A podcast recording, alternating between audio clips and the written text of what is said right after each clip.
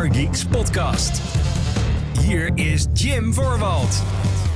Hallo mede Gaming Geeks, wel leuk dat je luistert naar de Gaming Geeks podcast, de wekelijkse talkshow van GamingGeeks.nl, waarin ik en meestal een andere geek je graag bijpraten over alles wat er gaande is in en rondom de gamingindustrie. Ik ben Jim zoals je weet en uh, ja, vandaag doe ik de show weer alleen. Dit is de 142e aflevering van deze show. Uh, ja, in feite dus gewoon uh, een, een gaming show die jou bijpraat over al het gaming nieuws en uh, wat er allemaal gaande is. Um, deze podcast kan je natuurlijk vinden op je favoriete podcastdienst. Daar kan je ook op deze show abonneren. Denk hierbij aan Google Podcast, Apple Podcast en Spotify. En uh, YouTube, daar staat een videoversie van deze show. Mocht je daar behoefte aan hebben, youtube.com slash gamergeeksnl. Aflevering 142, dus datum van opname is uh, 24 augustus 2020. En voordat ik begin met uh, de show officieel te starten, heb ik even een paar huishoudelijke mededelingen. Ja, het is een beetje, een beetje gek van wat? Wat is dat? Wat? Inderdaad, ik heb wat huishoudelijke mededelingen die ik uh, even met je moet delen. Allereerst schijnt er een probleem te zijn met deze podcast op Google Podcasts. Dat is een van de platforms waar deze show op zou moeten verschijnen. Maar ik kreeg uh, vorige week een tweetje dat een van de afleveringen er niet op stond. En ik heb sindsdien nog een keer gekeken. En zowel aflevering 140 als 141 zijn allebei niet gepubliceerd op Google Podcast. Ik weet niet wat er aan de hand is. Maar als, er, uh, als ook deze aflevering faalt om daarop gepubliceerd te worden, dan ga ik even achteraan tweeten, mailen, whatever, om te kijken wat daar aan de hand is. Uh, mocht jij inderdaad ook dit probleem ondervinden, mocht je deze show op een andere manier luisteren dan dat je normaal doet via Google Podcast, laat me dat dan even weten via de mail podcast.gaminggeeks.nl dan weet ik dat ik daar achteraan moet gaan. Ik uh, upload de podcast namelijk, het is een heel technisch verhaal dit, maar ik upload de podcast via één portal. En die zou het moeten verspreiden naar al het andere. Zoals Spotify, Apple Podcasts, et cetera, et cetera, et cetera. Dus uh, mocht je daarmee problemen ondervinden, nogmaals, laat het mij weten. Een andere uh, mededeling die ik even wil doen is um, een vraag aan jou um, om je te abonneren op youtube.com slash gamergeeksnl. Dat zeg ik natuurlijk elke week. Dat is het YouTube kanaal van Gamergeeks. Dat is waar uh, Gamergeeks de meeste dingen doet. Hè. Daar wordt niet alleen maar de videoversie van deze podcast op geüpload, maar ook andere content. Ik ben daar uh, zo nu en dan uh, druk mee bezig. Als ik zeg maar echt uh, van, oh ja, deze video moet ik nu afmaken. Dan kan ik daar gewoon een hele dag aan spenderen om daar iets te doen. En wij dreigen op dat YouTube kanaal onder de 10.000 te gaan belanden. Onder de 10.000 abonnees. We zitten op het moment van opnemen volgens mij op 10.002. Dat is wel eens hoger geweest. Um, en ik zou het persoonlijk knap lullig vinden als we onder die grens komen. Ik weet niet wat er aan de hand is. Maar volgens mij is het zo dat het YouTube-algoritme gewoon Gamer Geeks totaal niks gunt. Ik weet niet wat het is exact. Um, ik heb al tags anders geprobeerd, geprobeerd te doen. Uh, mensen zeggen altijd dat, ik, dat we op Gamer Geeks, uh, het YouTube-kanaal, dan meer content moeten maken zoals andere YouTubers. Maar goed, dan zie ik zelf de meerwaarde niet van Gamer Geeks, als je snapt wat ik bedoel. Um, het is gewoon een beetje lastig. En als we onder die 10.000 gaan zitten, dan demotiveert dat in ieder geval heel erg. En dat klinkt dan heel erg zo van: hey, stril mijn ego, abonneer. Maar ik vind persoonlijk oprecht dat de content die wij maken op GamerGeeks, dat die meer dan 10.000 abonnees verdient. Dus mocht je, om wat voor reden dan ook, niet geabonneerd zijn op youtube.com slash gamergeeksnl, let op die NL, die moet er wel achteraan, uh, ga dat alsjeblieft doen. Ik kan je steun heel goed gebruiken, dat zorgt er voor meer motivatie, dat zorgt er voor meer kijkers, hoe meer kijkers, hoe meer motivatie, hoe meer vreugd, hoe meer content, hoe blijer jij daar hopelijk van wordt. En zo gaat het hele spiraaltje eigenlijk maar door. Um, ja, klonk een beetje als een smeekbede dit, maar ik vond het wel belangrijk om gezegd te hebben, want wat ik al zei, ik vind, ik vind weet je, Gamer Geek zal nooit het grootste YouTube-kanaal ooit worden. We zullen nooit ons geld ermee verdienen. Want dit kost, kost ons alleen maar geld. Maar um, tien, meer dan 10, kom op. Ja, ik vind wel dat we dat op zijn minst verdienen. Als ik heel eerlijk ben. Als ik kijk naar de kwaliteit van de content en zo. Maar goed, whatever. Daar moeten jullie maar over oordelen. Andere dingetje, uh, een leuker dingetje dan, is dat er een community event komt. Een Gamer Geeks in de bioscoop community event. Dit gaat plaatsvinden op zaterdag 5 september. En in de week dat deze show wordt opgenomen, dit is, dit is de week van 24 augustus, is het de laatste week dat ik uh, de, het inschrijfformulier open hou. Dus um, ik zou zeggen, als deze podcast eenmaal gepubliceerd is, ga naar GamingGeeks.nl. Of als je onderdeel bent van de GamingGeeks Discord server, ga daarheen. En ehm, dan kan ik het inschrijfformulier daar nog een keertje delen. Want uh, alhoewel ik de line-up nog niet helemaal op, op een, op een zeg maar helemaal final heb of zo, lijkt het me wel heel leuk om daar in ieder geval met een aantal Gaming Geeks fans uh, bij elkaar te komen. Het wordt een heel klein event, zeg ik er alvast bij. Want er mogen niet heel veel mensen die bioscoopzaal. Want corona, joepie. Uh, maar in ieder geval heel, heel leuk dat we dat kunnen doen. En uh, dat. Dus ga naar de Gaming Geeks Discord server, dan komt alles goed. Laatste mededeling. En dan, dan echt maar, dan gaan we daadwerkelijk met de show beginnen. laatste mededeling van de avond of van de dag is dat ik samen heb gewerkt met Power Limited. Ik heb mijn stem verleend aan een video uh, voor uh, het platform. En die video die gaat eigenlijk langs de gehele geschiedenis van Call of Duty. We gaan van Call of Duty 1 helemaal naar Modern Warfare 2019. Dat zijn nogal wat games, kan ik je zeggen. Uh, wat ik al zei, ik heb daar mijn stem aan verleend. Ik heb het ingesproken. Ik vind het een super toffe video geworden. dus ga dat checken op het YouTube-kanaal van Power Limited. Ja, ik vraag je gewoon om op nog eentje te abonneren. Of powerunlimited.nl. Goed. Tot zover. Het, het, is een beetje een lange. Ik weet het, de huishoudelijke mededelingen. Het klinkt misschien alsof ik heel veel van je vraag. Maar uh, ja, mag ook wel eens. Ik bedoel, de hittegolf is voorbij.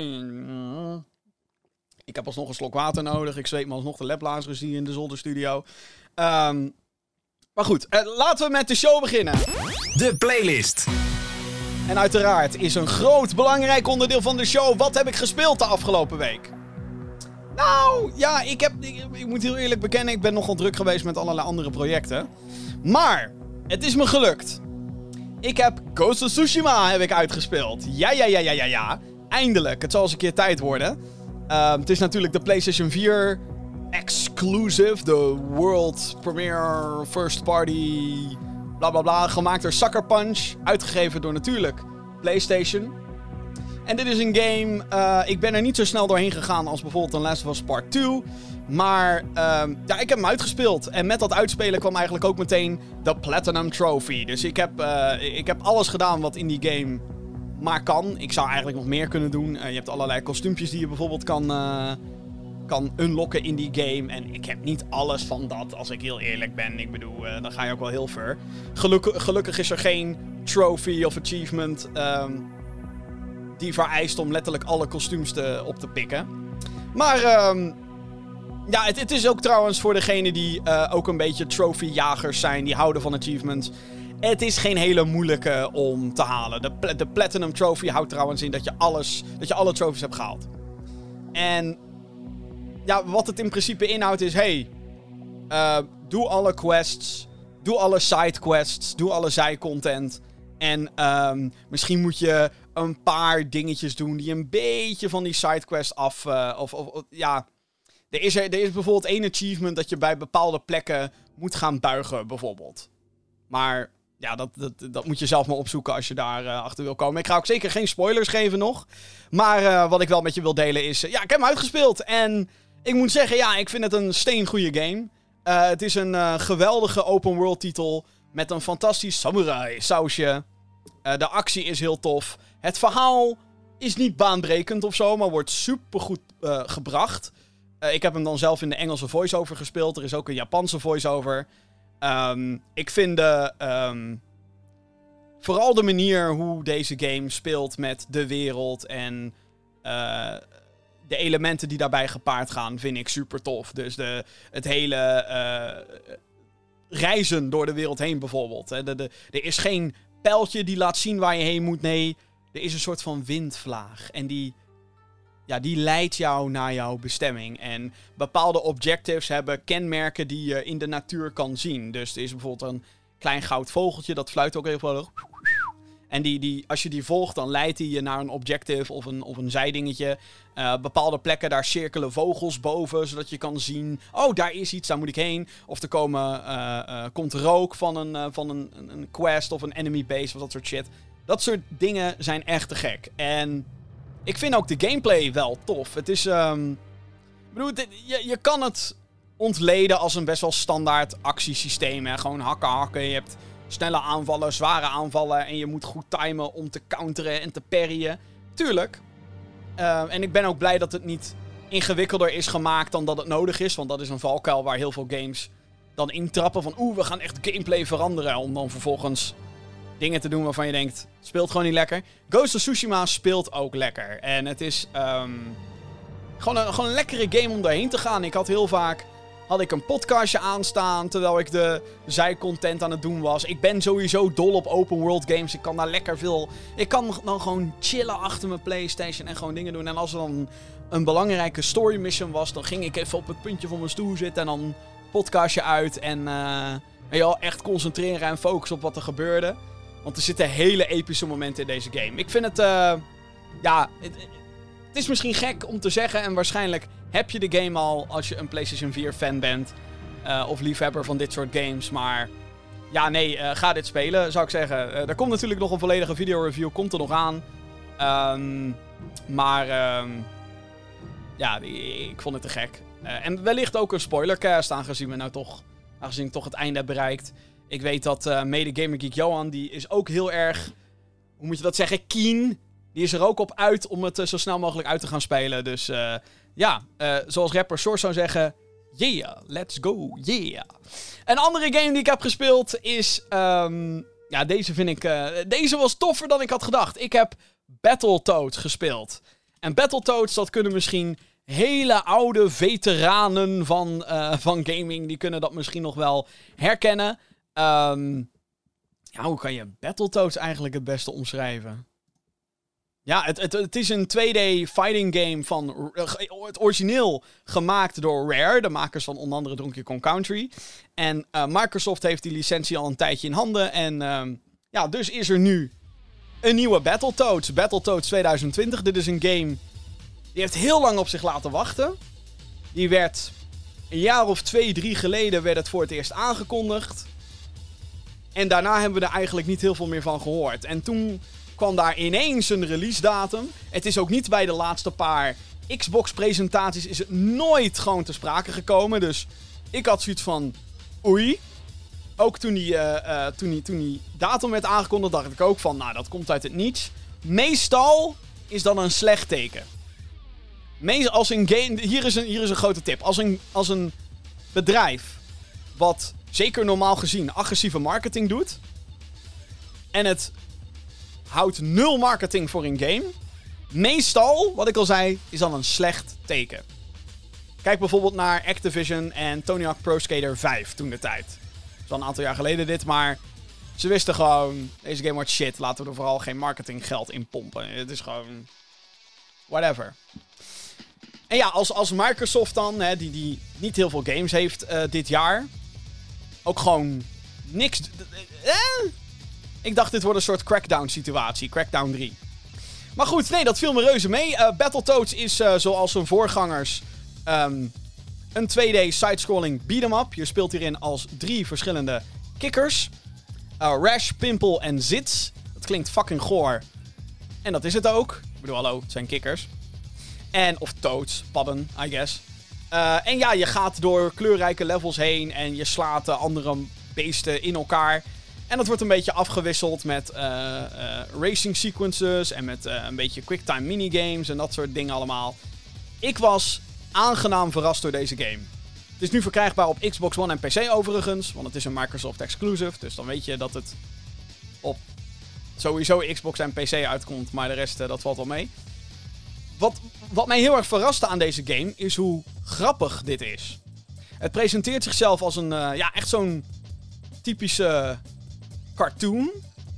En ik kan niet. Uh, Ren en Stimpy, denk ik. Maar dan moderner, I guess. Ik weet niet echt hoe ik het uh, goed moet vergelijken. Maar er zitten zoveel gekke characters en animaties in. Ik was er echt verrast over. En de voice acting en de grapjes die gemaakt worden. Ik vond ze daadwerkelijk grappig. Wat ik best wel shocking vond. Want ik had zoiets van. Wow, wat? Ik vind het, ik vind het like, oprecht grappig. Er zit daadwerkelijk humor hierin. En het is uh, humor die waarschijnlijk heel veel... Ik denk dat de jongere gamers onder ons, die zullen waarschijnlijk gewoon al moeten lachen om de characters en de animaties zelf. Want die zijn echt, wat ik al zei, te gek. Um, maar er zitten ook wat, wat, wat diepere grappen in. En ook een beetje... Um, een beetje van die meta-jokes. Dat er bijvoorbeeld wordt gezegd... Ja, jullie zijn al 26 jaar irrelevant. En Battletoads, heel oud. Uh, dus dat, dat soort dingen zitten er ook in. Um, en, dat verraste me heel erg. Ik had zoiets van, wauw, dit is gewoon leuk. Kijk, de gameplay zelf is een beetje standaard 2D beat-em up. Dus je gaat gewoon van links naar rechts en dan komen allemaal vijanden. Het is een beetje zoals Final Fight en Double Dragon en Streets of Rage en... Nou, noem al die titels maar achter elkaar op. Dit, is een beetje in hetzelfde vaarwater. Uh, maar dan, wat ik al zei, heel erg cartoony. En een van de, de toffe dingen die ik vind zijn de transformaties die de Battletoads hebben. Dus als bijvoorbeeld een sterke aanval oplater is zo'n hele grote kikker. Dat is zeg maar de heavy character is dat. En die transformeert gewoon in een trein. En er is een andere die heeft een luchtaanval, een zware luchtaanval. Dan verandert hij in een haai en dan plonst die soort van in de grond. Het is, het is heel bizar. En je denkt echt van, wat de fuck gebeurt hier? Als je begint met spelen. Maar het is super charmant in elkaar gezet. Het is zo vet. Ik, ik vind het althans heel erg vet. Uh, en daarnaast is de muziek lekker wild en, en uh, je gaat gewoon lekker mensen in elkaar slaan. En in die zin is het gewoon lekker vermakelijk tot dusver. Ik heb nog niet heel lang gespeeld. Ik heb iets van anderhalf uur erop zitten of zo. Ik heb gehoord dat hij best kort is, wat me niks verbaast, want meestal zijn dit soort games niet zo lang, want anders wordt het een beetje boring en saai. Uh, je kan het overigens tot en met drie spelers spelen. En dat is eigenlijk waar op dit moment ook mijn grootste kritiekpunt zit. Um, bedoel, het is 1 tot en met 3 spelers.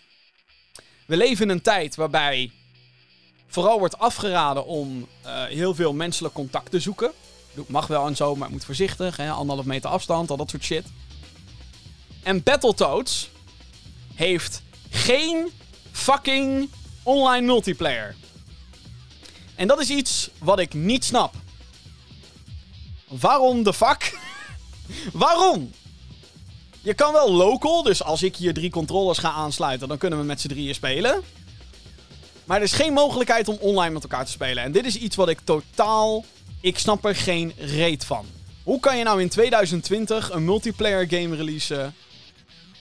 die geen online multiplayer heeft? Als je local co-op eruit haalt. Nou, bij deze game zou ik dat ook eigenlijk onbegrijpelijk vinden. Maar bij bepaalde games denk ik: oké, weet je, een shooter met local splitscreen multiplayer ik snap als je dat niet per se erin wilt bouwen. Maar je gaat toch niet. Eh, ik, ik, snap, ik snap het gewoon niet. Ik snap echt niet waarom de fuck er geen online multiplayer in zit. Dat gaat voor mij gewoon. I don't get it. Dat is voor mij echt iets wat mij. Uh, dat breekt mijn klomp. Dus als je per se deze game met iemand wil spelen. Wees bij deze dus gewaarschuwd. Er zit geen online multiplayer in. Um, en dat is echt doodzonde wat mij betreft. Want ik denk dat daardoor heel veel mensen gaan afhaken op deze game. Dat ze denken, ja, ik wil dat graag met iemand spelen, maar om dan per se bij elkaar te moeten gaan zitten. What the fuck, weet je wel? Gewoon jammer. althans, ik vind het heel erg jammer. Verder, ja, wat ik al zei. Ik heb tot nu toe heb ik, uh, me er heel erg mee. Ik zou zeggen, heb je Xbox Game Pass? Daar is deze game ook onderdeel van. Want het is natuurlijk een Microsoft exclusive. Op de PC, volgens mij is hij apart 20 euro of zo. Nou, van het uur wat ik tot nu toe heb gezien, denk ik van ja. Mooi. Ik had zelf verwacht dat hij nog wat duurder zou. Ik dacht uh, dat dit wordt een 30 euro game, maar nee, 20 euro. Nou. Uh, vind ik redelijk in ieder geval. Dus Battletoads. Ik ga hem natuurlijk nog doorspelen, maar uh, eerste indrukken zijn wat mij betreft heel erg goed. Zometeen in de Gamer Geeks podcast gaan we door het nieuws van de afgelopen week. Er zijn nieuwe games gebaseerd op DC-stripboeken aangekondigd. En Control-fans die zijn furieus op ontwikkelaar Remedy en uitgever 505 Games. Dit is inderdaad een hele, een hele rel is dat geweest. Heb je trouwens vragen voor de show? Let me know via podcast.gamergeeks.nl. Dat is het e-mailadres waarbij jij uh, natuurlijk al je vragen kwijt kan. Nieuws gaan we door met het nieuws. En ja, het eerste grote nieuws van deze week. Oh jongens, wat de fuck is er aan de hand met Epic en Apple? Er is, er is, er is een soort van oorlog gaande. En ik uh, weet inmiddels niet zo goed meer wat, er, wat, wat ik ermee aan moet. Oké, even resume over Flaké. Dit is wat er volgens mij aan de hand is. Epic Games, de uitgever achter Fortnite, heeft op uh, mobiele versies van de game, Fortnite dus, een nieuw betaalsysteem toegevoegd. Wat tegen de algemene voorwaarden gaat van de iOS App Store. Dus dat is wat je op iPhone en iPad je shit koopt, de App Store. Als reactie hierop had Apple de app verwijderd van zijn service. Nou, Epic pissed off. Uh, besloot een hele campagne hierop te starten. Uh, om Apple te overtuigen dat ze de voorwaarden en kosten van het behouden van apps op de App Store moeten veranderen. Tevens zijn ze ook naar de rechter gestapt tegen Apple. Dus dit is allemaal wat aan de, de, aan de gang is. Fortnite werd daarna ook nog eens verwijderd van de Google Play Store, omdat het ook daar tegen de gebruiksvoorwaarden ging. Dus het is niet alleen maar Apple die hier een beetje de bad guy is, maar kennelijk ook Google, al dus Epic Games. Meer bedrijven die roepen inmiddels op om uh, aan de mobielgiganten. Uh, of meer bedrijven roepen inmiddels op aan de mobielgiganten om de regels te gaan veranderen. Uh, bedrijven zoals Spotify en Microsoft die hebben inmiddels hun steun betuigd aan Epic Games. Van yo, Apple, doe er eens wat aan. Want het schijnt dus dat er heel veel scummy shit aan de hand is op Apple, al dus deze bedrijven. Als laatste heeft Apple besloten om de ontwikkellicenties van Epic weg te halen. Wat betekent dat zij geen games meer kunnen ontwikkelen, dan wel uitgeven op Mac, iPhone en iPad. Volgens Apple vroeg Epic ook om een speciale deal, wat ze niet uh, netjes vonden. En daarom, uh, ja, is Epic nu boos. Dus het is een beetje heen en weer. Jij hebt iets gedaan. Nee, jij hebt iets gedaan. Nee, jij hebt iets gedaan. Nee, jij... Het, is, het begint echt een beetje fucking kinderachtig te worden. En ik weet inmiddels niet meer. Ik kan het ook niet meer bijhouden wat er op dit moment gebeurt. Dit is wat ik van de situatie begrijp. Althans, dit is wat ik denk dat er aan de hand is. Oké, dus je hebt games op de App Store. En alles wat jij koopt op de App Store, 30% daarvan gaat direct naar Apple. Dit is niet iets nieuws, dit is niet iets raars. Want dit gebeurt ook op PlayStation, Xbox, Steam, etc. etc. etc. Als jij een game koopt op PlayStation, dan gaat, nou de exacte, het exacte percentage weet ik niet. Maar we kunnen ervan uitgaan dat ook daar 30% direct naar Sony PlayStation gaat. Daarom zijn die bedrijven zo ontzettend winstgevend. Um, een, een consoleverkoop is één ding. Maar die games, daar behalen ze hun winst bij. En natuurlijk alle DLC en bla bla bla bla. Wat ik al zei, ik weet niet exact wat de percentages en regelingen zijn. Ik weet wel dat dat een significant percentage is. Geldt ook voor Steam. Daarom heeft Epic ook toen de tijd de Epic Game Store op PC gestart. Van, yo, wij gaan hier tegen. Bij ons is het 11% in plaats van de 30% die Steam vraagt fuck Steam. En toen zei, zeiden heel veel mensen, fuck you Epic, want jij bent exclusives, tijdelijke exclusives aan het overkopen. Anyway, dat is wat ik ervan begrijp. Wat ik ook weet, is dat best wel wat bedrijven problemen hebben met de andere voorwaarden van de Apple App Store. Een paar weken geleden was het bijvoorbeeld al in het nieuws dat Microsoft ging stoppen met het testen van xCloud op de App Store omdat er gewoon allemaal regeltjes waren en allemaal bullshit, waardoor Xbox niet die dienst kon lanceren op iPhone. Waarom? Omdat Apple ineens eiste dat elke titel apart wordt beoordeeld op de App Store. Terwijl dat bullshit is, want op Netflix gebeurt dat ook niet. Of Disney Plus of whatever. En wat blijkt trouwens, afgelopen week kwam er trouwens ineens een berichtje naar buiten. Uh, dat er patenten waren gelekt van een cloud gaming dienst van Apple. Hmm, Toevallig. Heel fucking toevallig. Ik weet ook zeker dat Stadia tegen hetzelfde probleem aanloopt als het gaat om Stadia op iOS. Uh, de, de, de, de, OS van, van iPhone, iPad, bla bla bla. En ja, weet je, uh, Tim Sweeney schijnt dus inderdaad met Apple gemaild te hebben van... Yo, kunnen we dit niet, niet like, anders aanpakken? Apple heeft dat geweigerd en nu is Epic deze um, oorlog aangegaan eigenlijk. Ze, zijn gewoon, ze hebben gewoon echt... Gewoon ja, hoe moet je dat zeggen? Een dreigbrief hebben ze gewoon bij wijze van gestuurd. Niet echt natuurlijk, maar gewoon gezegd: Yo, we hebben nu ruzie, oké? Uh, inclusief fake commercial waarin ze de 1984 commercial van Apple parodiëren, maar dan in een stijl van Fortnite. Um, het is best heftig. En er zijn natuurlijk altijd twee kanten van het verhaal. En ik heb heel veel op internet gelezen dat Epic nu uh, jonge kinderen gebruikt om eigenlijk heel boos te gaan doen tegen Apple. Van, oh, fuck jullie. Uh, alsof dat gaat helpen. Tuurlijk gaat dat niet helpen. Boze, ik bedoel... Kijk, weet je, ik snap amper de situatie. Laat staan een 11-jarige Fortnite-speler die nu pissig is dat hij niet meer op zijn iPhone Fortnite kan spelen. Wat overigens een grappig uh, gevolg hiervan is, is dat je Fortnite nog wel kan spelen als je hem al op je telefoon had staan. Dan kan je hem nog spelen, alleen tot een bepaalde update. Daarna houdt het gewoon op. Uh, dus er zijn, staan nu al fucking telefoons op eBay voor duizenden euro's. Want deze telefoon heeft nog Fortnite. Wink. Wat natuurlijk een beetje bizar is. waar ik me dan wel druk over maak, is hoe deze situatie op dit moment escaleert. Kijk, Epic Games kan het, zeker vanuit financieel perspectief, kan het prima hebben als Fortnite eventjes verdwijnt op uh, iPad en iPhone. Tuurlijk, whatever. ja, het zal wel. Um, voor hun. Voor hun financiële plaatje, het zal wel. Het zal wel een klap zijn, want ze, volgens mij verdienen ze bakken met geld daar alsnog. Uh, en Apple was daar natuurlijk heel blij mee, want 30% ging naar Apple. Maar wat Apple nu heeft gedaan, door de ontwikkellicenties van uh, Epic af te pakken, heeft natuurlijk voor meer dingen gevolgen dan alleen Fortnite. Denk bijvoorbeeld aan de Unreal Engine. Dat is een. Ja, een, een game engine is eigenlijk een soort van blauwdruk waar je games in kan bouwen. En de Unreal Engine is een van de grootste. En als je nu eigenlijk zegt, yo, uh, jullie mogen kunnen niet meer voor Apples ontwikkelen, wat voor Apple dan ook, betekent dus ook dat Unreal Engine 5, een mogelijke mobiele versie, gone. Nu dan, weet je wel, dat kunnen ze niet meer aanwerken. Een Mac-versie van de Unreal Engine, veel succes. Tuurlijk, er zijn waarschijnlijk uh, weet ik hoeveel ontwikkelaars die uiteindelijk Unreal Engine 5 wel gewoon op Apples kunnen laten draaien. Ik weet allemaal niet hoe dat zit. Ik ben geen ontwikkelaar, ik ben geen programmeur.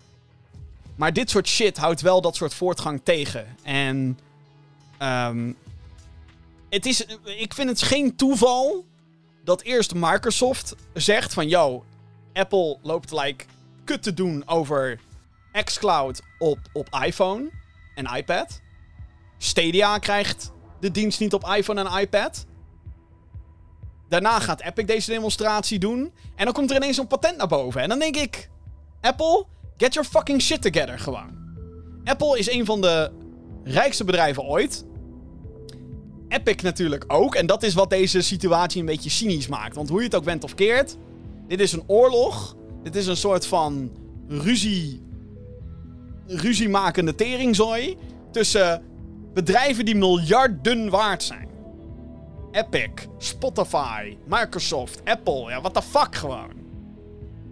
En wat ik al zei, ik snap er inmiddels geen ene tering meer van. Ik snap er gewoon helemaal niks meer van. En het is. Um... Ja, het, het, ik vind het triest zelf. Ik vind het een beetje. Uh...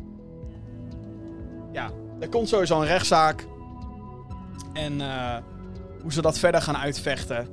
Ik heb werkelijk waar geen fucking flauw idee. Dan is er een update over de Control Ultimate Edition. Hier had ik het volgens mij in de vorige podcast ook al over. Maar, um, nou, dit is de situatie. Uh, 505 Games en Remedy die hebben Control uitgebracht. Dat is een third-person shooter. Hele vette game. Het is een soort van ja, X-Files-achtige game. Waarbij je telekinetische krachten hebt. En je kan rotsblokken kan je rondschieten en dat soort shit. Is fucking vet.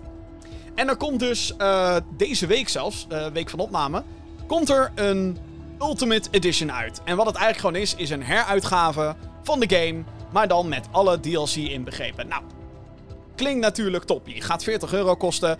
Komt nu uit voor PC, PlayStation 4 en Xbox One. Maar die Ultimate Edition bevat ook een gratis upgrade voor PlayStation 5 en Xbox Series X. Dus Xbox One, Xbox Series X, PS4, PS5. Klinkt allemaal heel leuk. Waar het niet dat op de website van deze Ultimate Edition stond vermeld dat mensen die uh, de game al hadden, dus niet de Ultimate Edition, geen toegang zouden krijgen tot de gratis upgrade.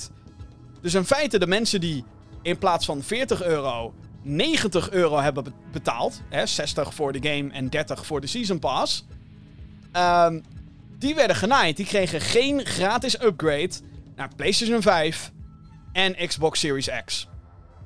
Dat is natuurlijk fucking naaiend. En daar werden mensen heel erg pissig over. Volkomen terecht. Nu heeft uh, uh, Remedy en 505, die hebben nu een uh, statement naar buiten gebracht. Van ja, weet je, we hebben met alle partijen gesproken. En ja, weet je, van alle mogelijkheden die we hadden, vonden wij dit de beste voor de spelers. Natuurlijk fucking grafzooi. Fucking grafzooi. Uh, het is matennaaierij op den top, zeg maar. Dus moet je nagaan. Je support Control vanaf dag 1. Hè, je hebt die game gekocht voor 60 euro. Je, je koopt de Season Pass omdat je er fan van bent. Op PlayStation of Xbox, whatever. En vervolgens word je genaaid. Kijk, voor PC is er natuurlijk. Is, dit, is deze situatie niet van toepassing. Maar voor consolespelers is dit natuurlijk gewoon. Fucking bullshit. En hier is wat ik denk dat er aan de hand is. Ik denk dat het te maken heeft met hoe de online winkels van zowel PlayStation als Xbox werken. Uh, ik weet bijvoorbeeld dat het uh, bijvoorbeeld een update uitbrengen voor een game op Steam is veel makkelijker. Daar, daar, daar upload je gewoon bij wijze van een nieuwe versie. Dan druk je op publish.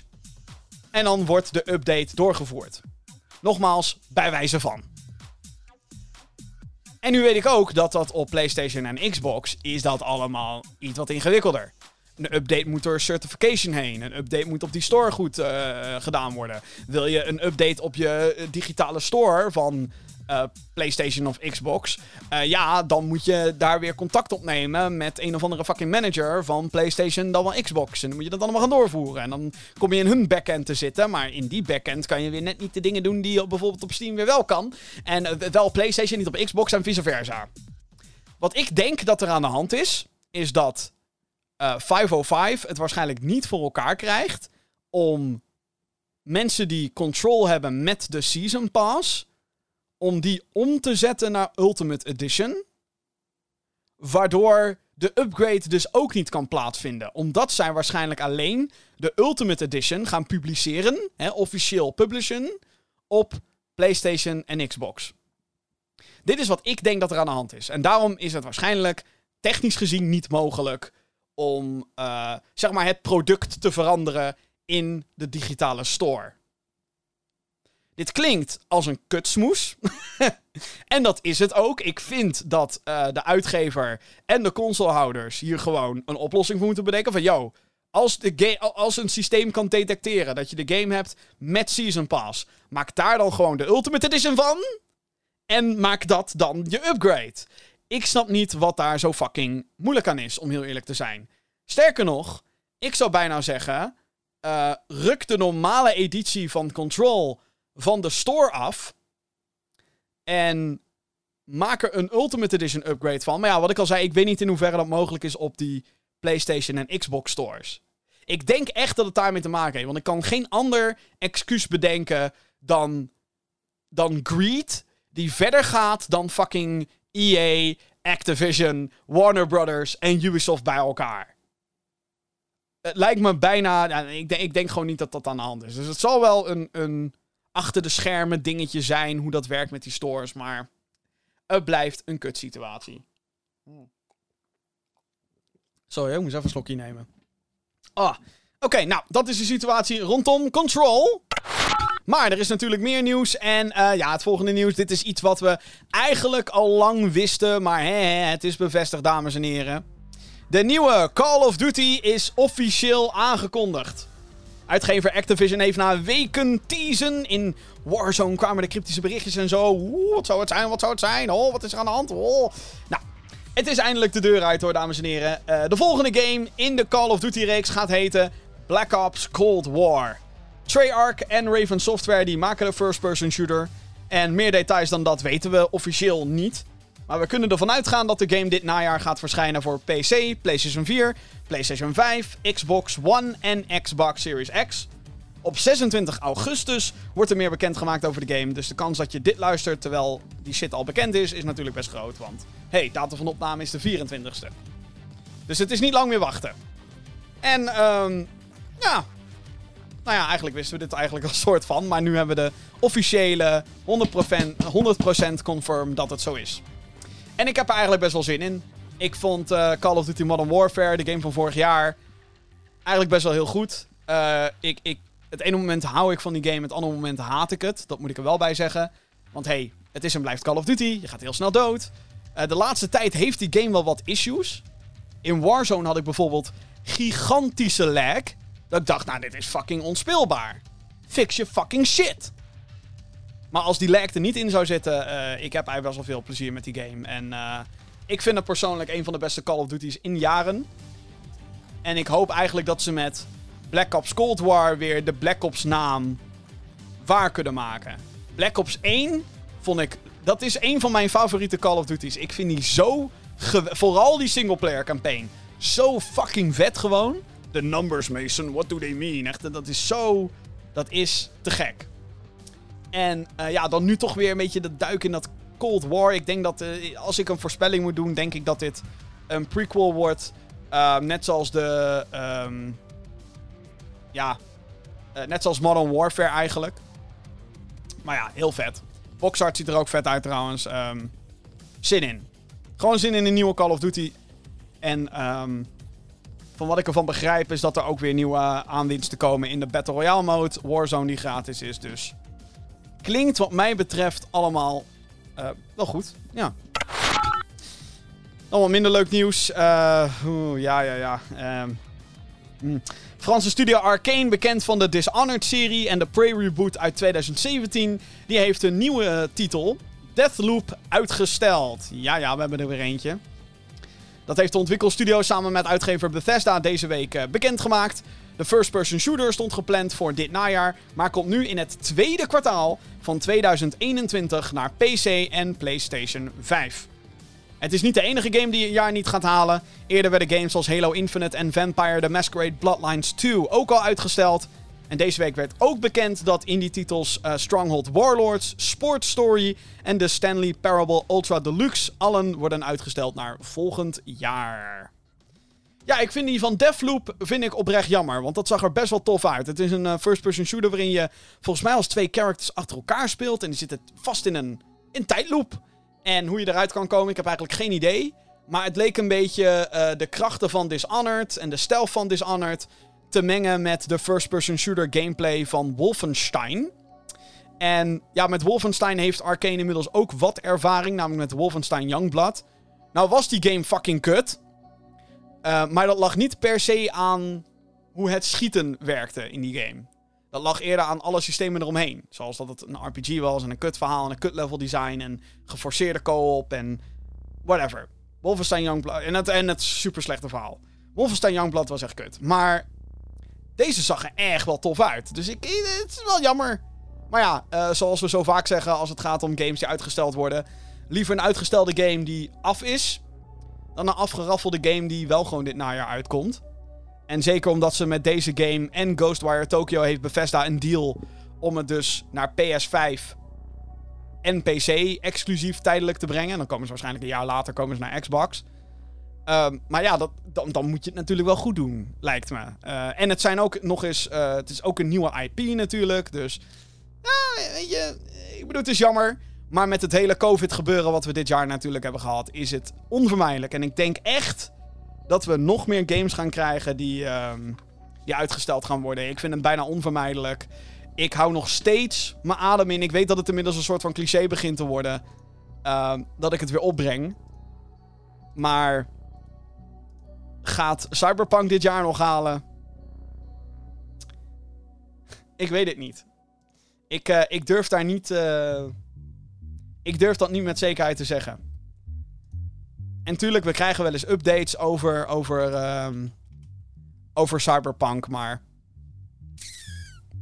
Ik vind het gewoon heel erg lastig om dat soort shit te zeggen. Dus verwacht nog meer delays. We hebben wel een paar toffe games die dit najaar uitkomen. Dus laten we er gewoon het beste van maken. En laten we hopen dat uh, de ontwikkelaars het in ieder geval goed maken. En dat ze uiteindelijk een toffe game kunnen afleveren. Uh, afleveren. Daar gaat het om. Dat is het nieuws over Vampire. Over een van de games die is uitgesteld. Um, ehm, Hardsuit Labs en uitgever Paradox Interactive hebben twee belangrijke figuren binnen het ontwikkelteam van Vampire The Masquerade Bloodlines 2 ontslagen. Dat hebben ze zelf dan aangekondigd, uh, de studio en, uh, en, de uitgever, via uh, hun blog afgelopen week. Brian Mitsoda, hoofd van het schrijversteam voor de game, en de creative director, Kai Clooney, ik hoop dat ik dat goed heb uitgesproken, die zijn allebei van hun functie afgetrapt. Dit besluit is vorige maand al gemaakt, in juli. En Mitsoda wist aan publiek te melden dat hij het ontslag niet zag aankomen. Volgens hem zijn er uh, met hem dan ook geen discussies geweest over het uitstellen van de game. Dat werd waarschijnlijk, die beslissing werd waarschijnlijk daarna gemaakt. Dus ja, dit is wederom een. Oh. ja. Een, een, een vreemde situatie. Een hele vreemde situatie. Ineens twee mensen. Want de lead writer. Die heeft dus ook gewerkt aan de eerste Vampire the Masquerade Bloodlines, zeg maar. Dus. Dat, is best wel een ding. Ehm. En de creative director is best wel een grote, belangrijke rol. Dus ik. eh, We kunnen van alles en nog wat gaan speculeren hier. Is er weer een.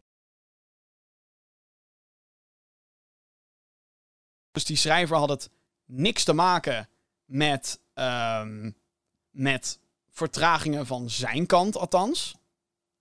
Dus hoe dat dan zit, geen flauw idee. Maar het is toch gewoon heel raar dat dit, dat dit nu gaande is. En ehm, laat ik het zo zeggen, het is misschien wel goed als de game wordt uitgesteld. Want je zou maar zeg maar in een situatie zitten dat je een game hebt die totaal geen visie heeft. Omdat, er, hè, omdat mensen niet in lijn zijn met de rest van de studio en zo. Dat, is alleen maar een kutsituatie. Eh, ik vind het zo'n raar project. Het is een, het is een game. Vampire the Masquerade Bloodlines is een game. Het is een soort van culttitel, weet je wel. Het is geen big-ass franchise. Maar toen het werd aangekondigd, toen flipte iedereen hem keihard. Van, oh my god, een nieuwe Vampire game. En ik zat van, oké, ik heb nooit gespeeld. eh, het zal wel.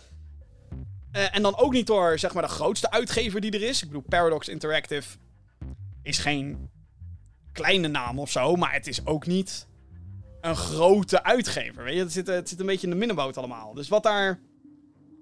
Wat is er aan de hand? Ik wil het eigenlijk wel, wel gewoon stiekem weten. Wat is daar aan de hand bij Hardsuit Labs en bij Paradox? Ja. Laten we in ieder geval eh, nogmaals hopen dat het gewoon goed komt met die studio. En dat we eh, uiteindelijk een toffe game gaan krijgen. En dan voor de fans van Ghost of Tsushima. Ja, sorry. Daar, daar zijn we weer met Ghost of Tsushima. Maar er, eh, komt iets nieuws aan voor die game. Eh, PlayStation en, eh, en ontwikkelstudio Sucker Punch... die hebben namelijk aangekondigd dat Ghost of Tsushima... een multiplayer co-op mode krijgt. Dit gaat heten Ghost of Tsushima Legends... en wordt eind dit najaar toegevoegd als gratis update... voor de mensen die de game al hebben. Van wat we uit de trailer kunnen opmaken, eh, is dat je gaat spelen als eh, mythische samurai. Dat kan met maximaal vier spelers, online. En ehm, ja, daar je moet waarschijnlijk mensen gaan afslachten en zo, I guess. Ehm, het is wel tof, want in de game zelf, in Ghost of Tsushima, wordt er ook heel veel gedaan met Japanse folklore. En mensen die verhalen aan elkaar vertellen. En de Legends of Tsushima dat soort shit. Dus ik denk dat dat ook hier dan weer in terugkomt. En dat is eigenlijk best tof. Ehm, en ik had het ook niet zien aankomen. Ik denk, ja, weet je, Ghost of Tsushima is gewoon een open world game. Single player, dat is het. En dit wordt nu gewoon toegevoegd als gratis update. Is heel tof. En als je nu een beetje bang bent van, oh ja, dit wordt zo'n eh, manier om heel veel geld uit ons te halen. Na de aankondiging wist ontwikkelaar Sucker Punch gamers gerust te stellen door te zeggen: er komen geen microtransacties in Ghost of Tsushima Legends. En dat vond ik ook best wel een big deal. Dat ik dacht: oké, je had waarschijnlijk al het recht om hier gewoon. Hé, ik bedoel, het is toch gratis soort van. Eh. eh, weet je, koop skins, koop characters, weet ik wat allemaal. Nee hoor, het wordt gewoon gratis. Daardoor denk ik overigens dat dit misschien iets is wat, we, wat ze eigenlijk al in de game wilden stoppen. Maar dat ze dat niet konden redden of zo. En dat ze gewoon die singleplayer game klaar hadden en dat ze zeiden, ja hoor. Dat brengen we gewoon uit en die multiplayer komt later wel. Eh, het komt dus eind dit, eh, eind dit jaar komt het naar PS4 eh, voor de mensen die Ghost of Tsushima hebben. Hierdoor ga ik wel ook meteen denken... Hmm, komt deze game nu ook gewoon niet naar PS5? Of in ieder geval deze mode? Of is dit niet een extra aanleiding om dan ook te zeggen: yo, hier komt een PS5-versie? Kijk, de game zal sowieso speelbaar zijn op PlayStation 5. Dus wat dat betreft is er natuurlijk geen probleem of wat dan ook. Maar ik hoop nu wel gewoon dat er een. ehm, dat er nu een aanleiding is om eh, eh, een patch uit te brengen. Om een upgrade patch te doen. Zo van, hey, Ghost draait nu veel beter op PlayStation 5, want... hey, weet je het is nu dit. bla. In ieder geval heel erg tof dat ze het in ieder geval eh, gaan toevoegen. En dat we er niks extra's voor hoeven te betalen. Want hey, ik heb al weet ik hoeveel betaald voor de of Tsushima Collector's Edition, verdomme. Dus het is je graai ook, zeg maar. Aha.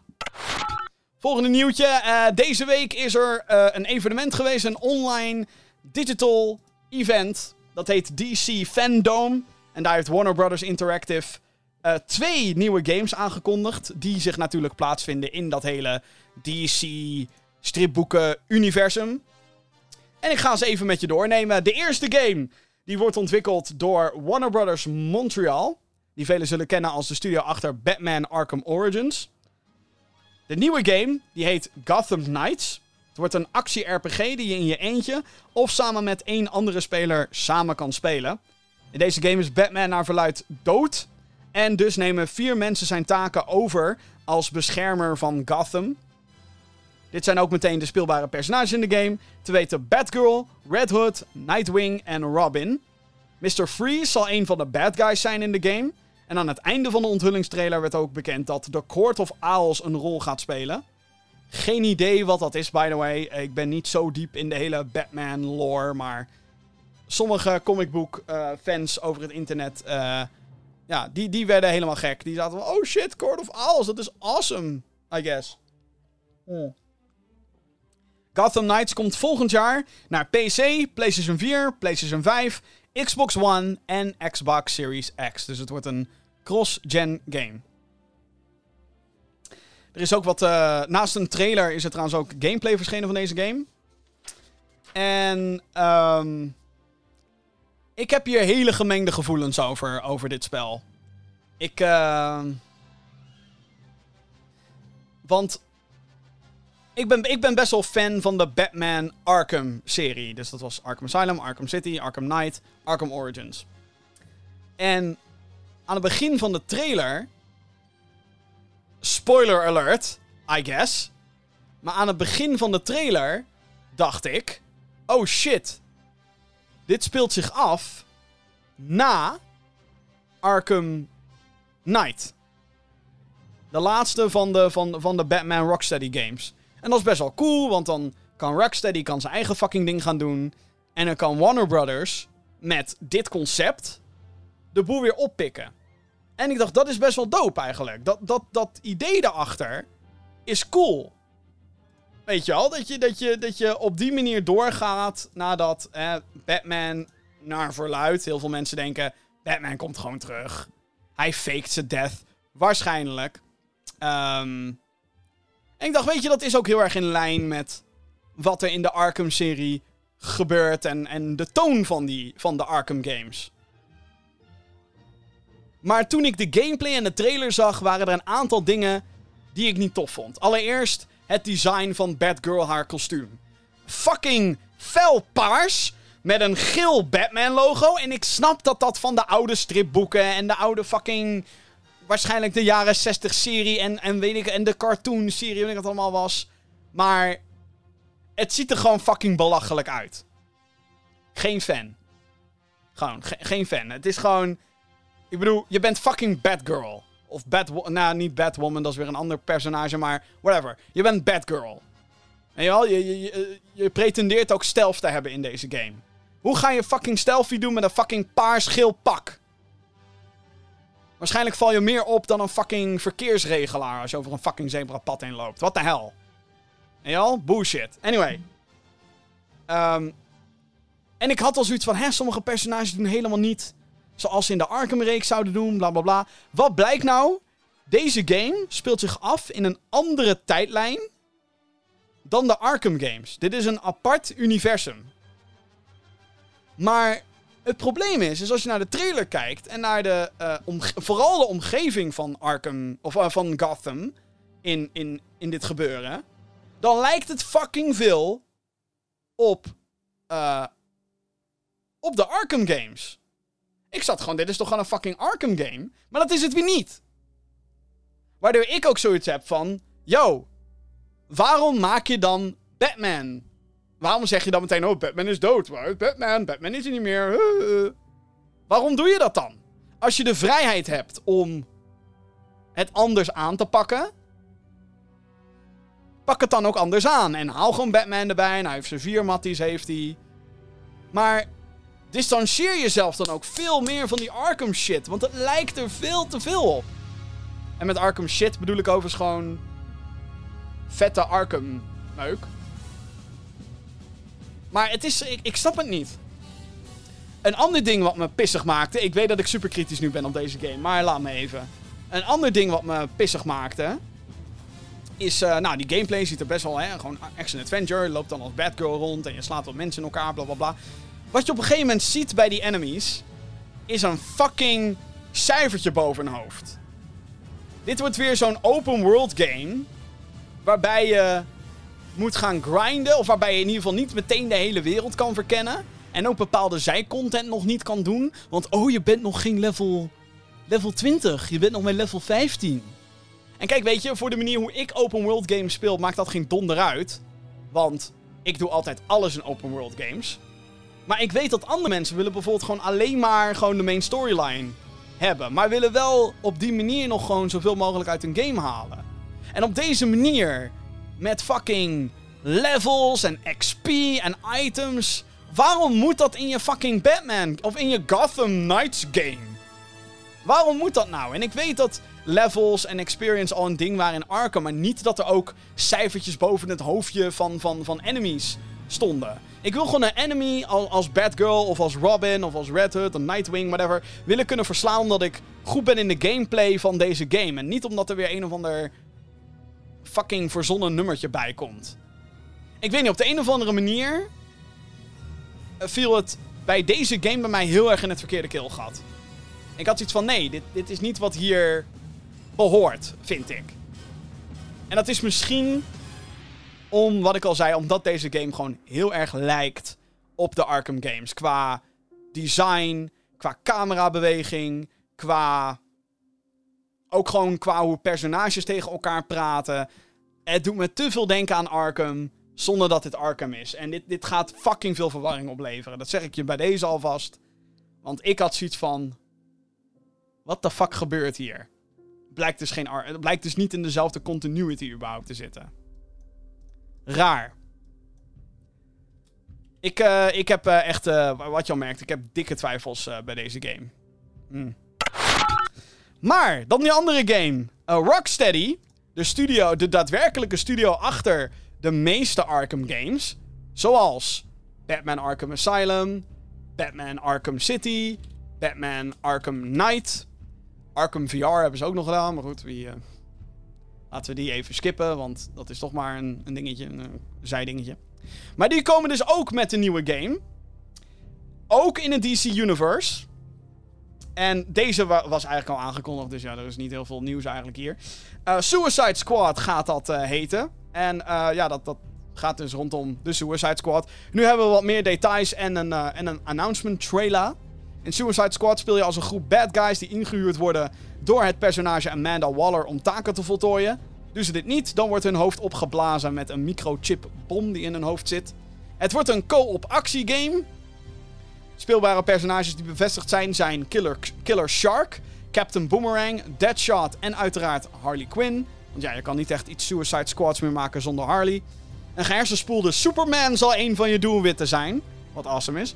Suicide Squad Kill the Justice League, zoals de game in zijn volledigheid heet, moet in 2022 uitkomen voor PC, PlayStation 5 en Xbox Series X. Dus dit is een game die echt nog heel lang op zich laat wachten. Uh, nog minstens twee jaar dus.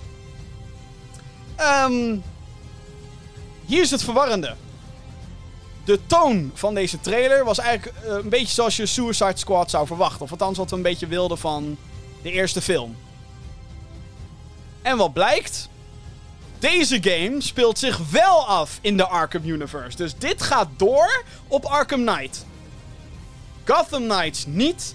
Deze game wel. Ook al ziet deze game er qua stijl en toon compleet anders uit dan Arkham. Snap ik wederom geen tering van. Um, ben ik blij met een Suicide Squad game? Mwah, ik weet het niet. Ik, ik, ik, ik, weet niet of dit de manier is om next gen goed um, aan te pakken. En dat klinkt heel erg van hoe weet je het nou? Je hebt nog geen gameplay gezien. Klopt. Maar wat ik dus fucking vet had gevonden, maar dat is ook een beetje de fanboy in mij die hier spreekt. Um, ik zou zo graag een vette Superman game willen. En in plaats daarvan krijgen we nu een game waarin we notabene Superman, uh, een gebrainwashed Superman, niet moeten killen. Ze gaan waarschijnlijk het niet eens toelaten dat we Superman gaan uitmoorden. Maar in ieder geval verslaan zodat hij uit zijn roes komt. Want Brainiac die uh, schijnt hem gehersenspoel te hebben. Maar weet je, als je ook al naar die trailer kijkt, je ziet meteen de stereotypen als het gaat om gameplay. Weet je wel, Killer Shark is de tank. Harley Quinn is de soort van melee gemengde bruiser. Deadshot is er om mensen af te leiden en van de afstand neer te knallen. En Captain Boomerang is een soort van rogue assassin-achtig type. Ja, het is gewoon zo... Je ziet het van mijlen ver aankomen. En het is... Ik weet niet, ik had gewoon...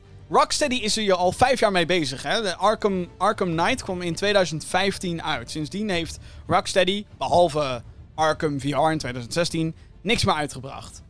Dus ze hebben hier pak een beet vijf tot zeven jaar aan gewerkt. En dat is. Ik weet niet of dit dan de game is waar we dan. Waar we dan op zitten te wachten. En ik, ik, weet ook niet wat, wat de laatste jaren de obsessie is met Suicide Squad. Kijk, ik snap het vanuit de film. Film, filmindustrie snap ik het, weet je wel. Guardians of the Galaxy, fucking groot succes. Hoe kunnen we dat doen met DC? Uh, ja, dat kunnen we doen met uh, Suicide Squad. Zeker. Eerste film, kaart geflopt.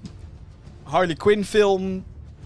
Uh, althans, mensen vonden Margot Robbie als Harley Quinn geweldig. Dus Harley Quinn is nu ineens een fucking populair personage. Eh. Ik weet niet. Misschien zoek ik wat meer ambitie of iets wat nog niet eerder gedaan is. Want het probleem natuurlijk is, is dat is, dit wordt dus zo'n co-op. Hè? Jij bent de tank, ga jij maar vooraan. Bababa, we gaan monstertjes in elkaar slaan. Blablabla, oh, daar is Superman als bossfight. Uh. Waarschijnlijk ook weer met levels. Waarschijnlijk weer met die hele fucking zelfde teringzooi. Het doet mij gewoon nu veel te veel denken aan de Marvel Avengers game die eraan komt. gewoon fucking Marvel's Avengers. En misschien met een next-gen sausje. Kijk, ben ik benieuwd? Tuurlijk ben ik benieuwd. Tuurlijk ben ik altijd wel geïnteresseerd om dit soort dingen te spelen. Maar ik ben gewoon niet weggeblazen van deze announcement. Ik ben gewoon niet dat ik denk, wauw, nou, is het al 2022, jongens? Want ik moet Suicide Squad spelen.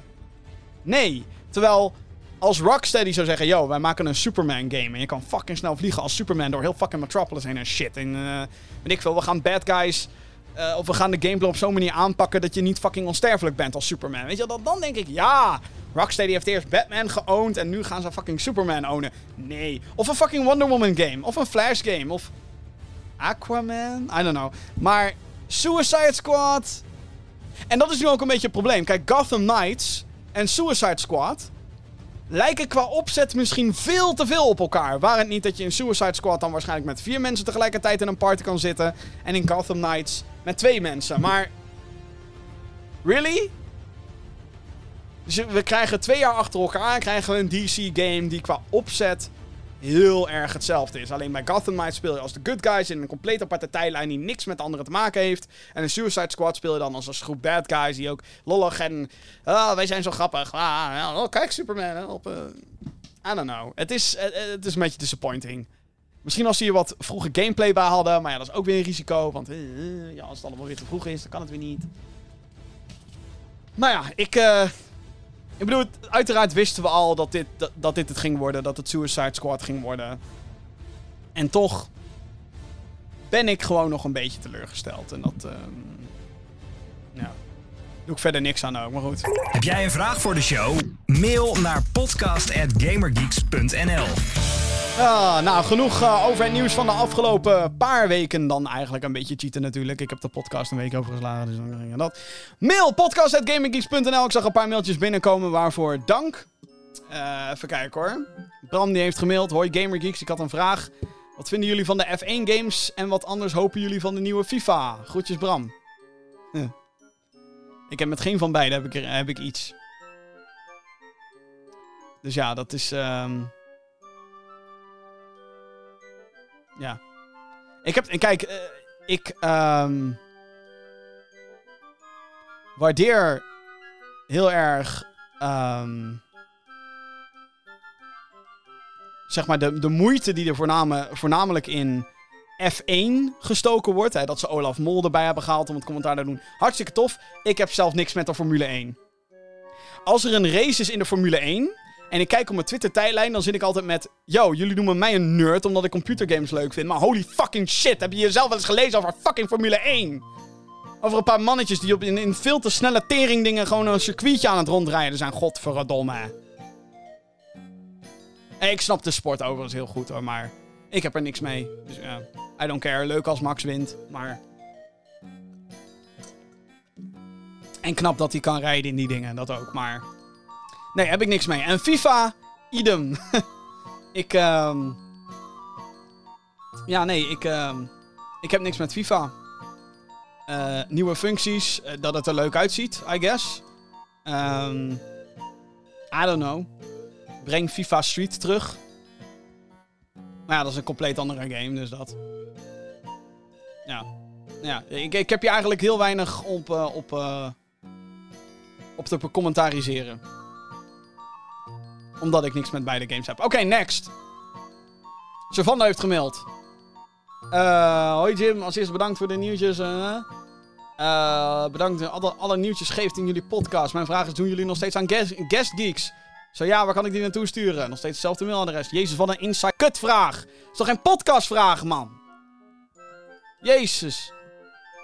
Nee, als je interesse hebt om, uh, om uh, als guest appearance te komen op GamerGeeks, het YouTube kanaal. Dan uh, zou ik zeggen, mail even naar redactie.gamergeeks.nl. Of ik stuur dit gewoon even door naar podcast.gamergeeks.nl. Dat komt allemaal goed. En dat was het. Dat waren alle mailtjes uh, van, van deze week. En daarmee zijn we ook eigenlijk meteen bijna aan het einde gekomen van deze aflevering van de Gaming Geeks podcast. Maar niet voordat ik jou nogmaals heb ehm, geattendeerd om je te gaan abonneren op het YouTube kanaal. youtube.com slash gamergeeksnl. Het is van levensbelang voor deze podcast. Dat klinkt super dramatisch. Dat is het ook. maar ik meen het wel. Uh, kijk, uh, ik weet dat ik heel hard werk aan, aan het YouTube-kanaal. Ik steek er ontzettend veel vrije tijd in.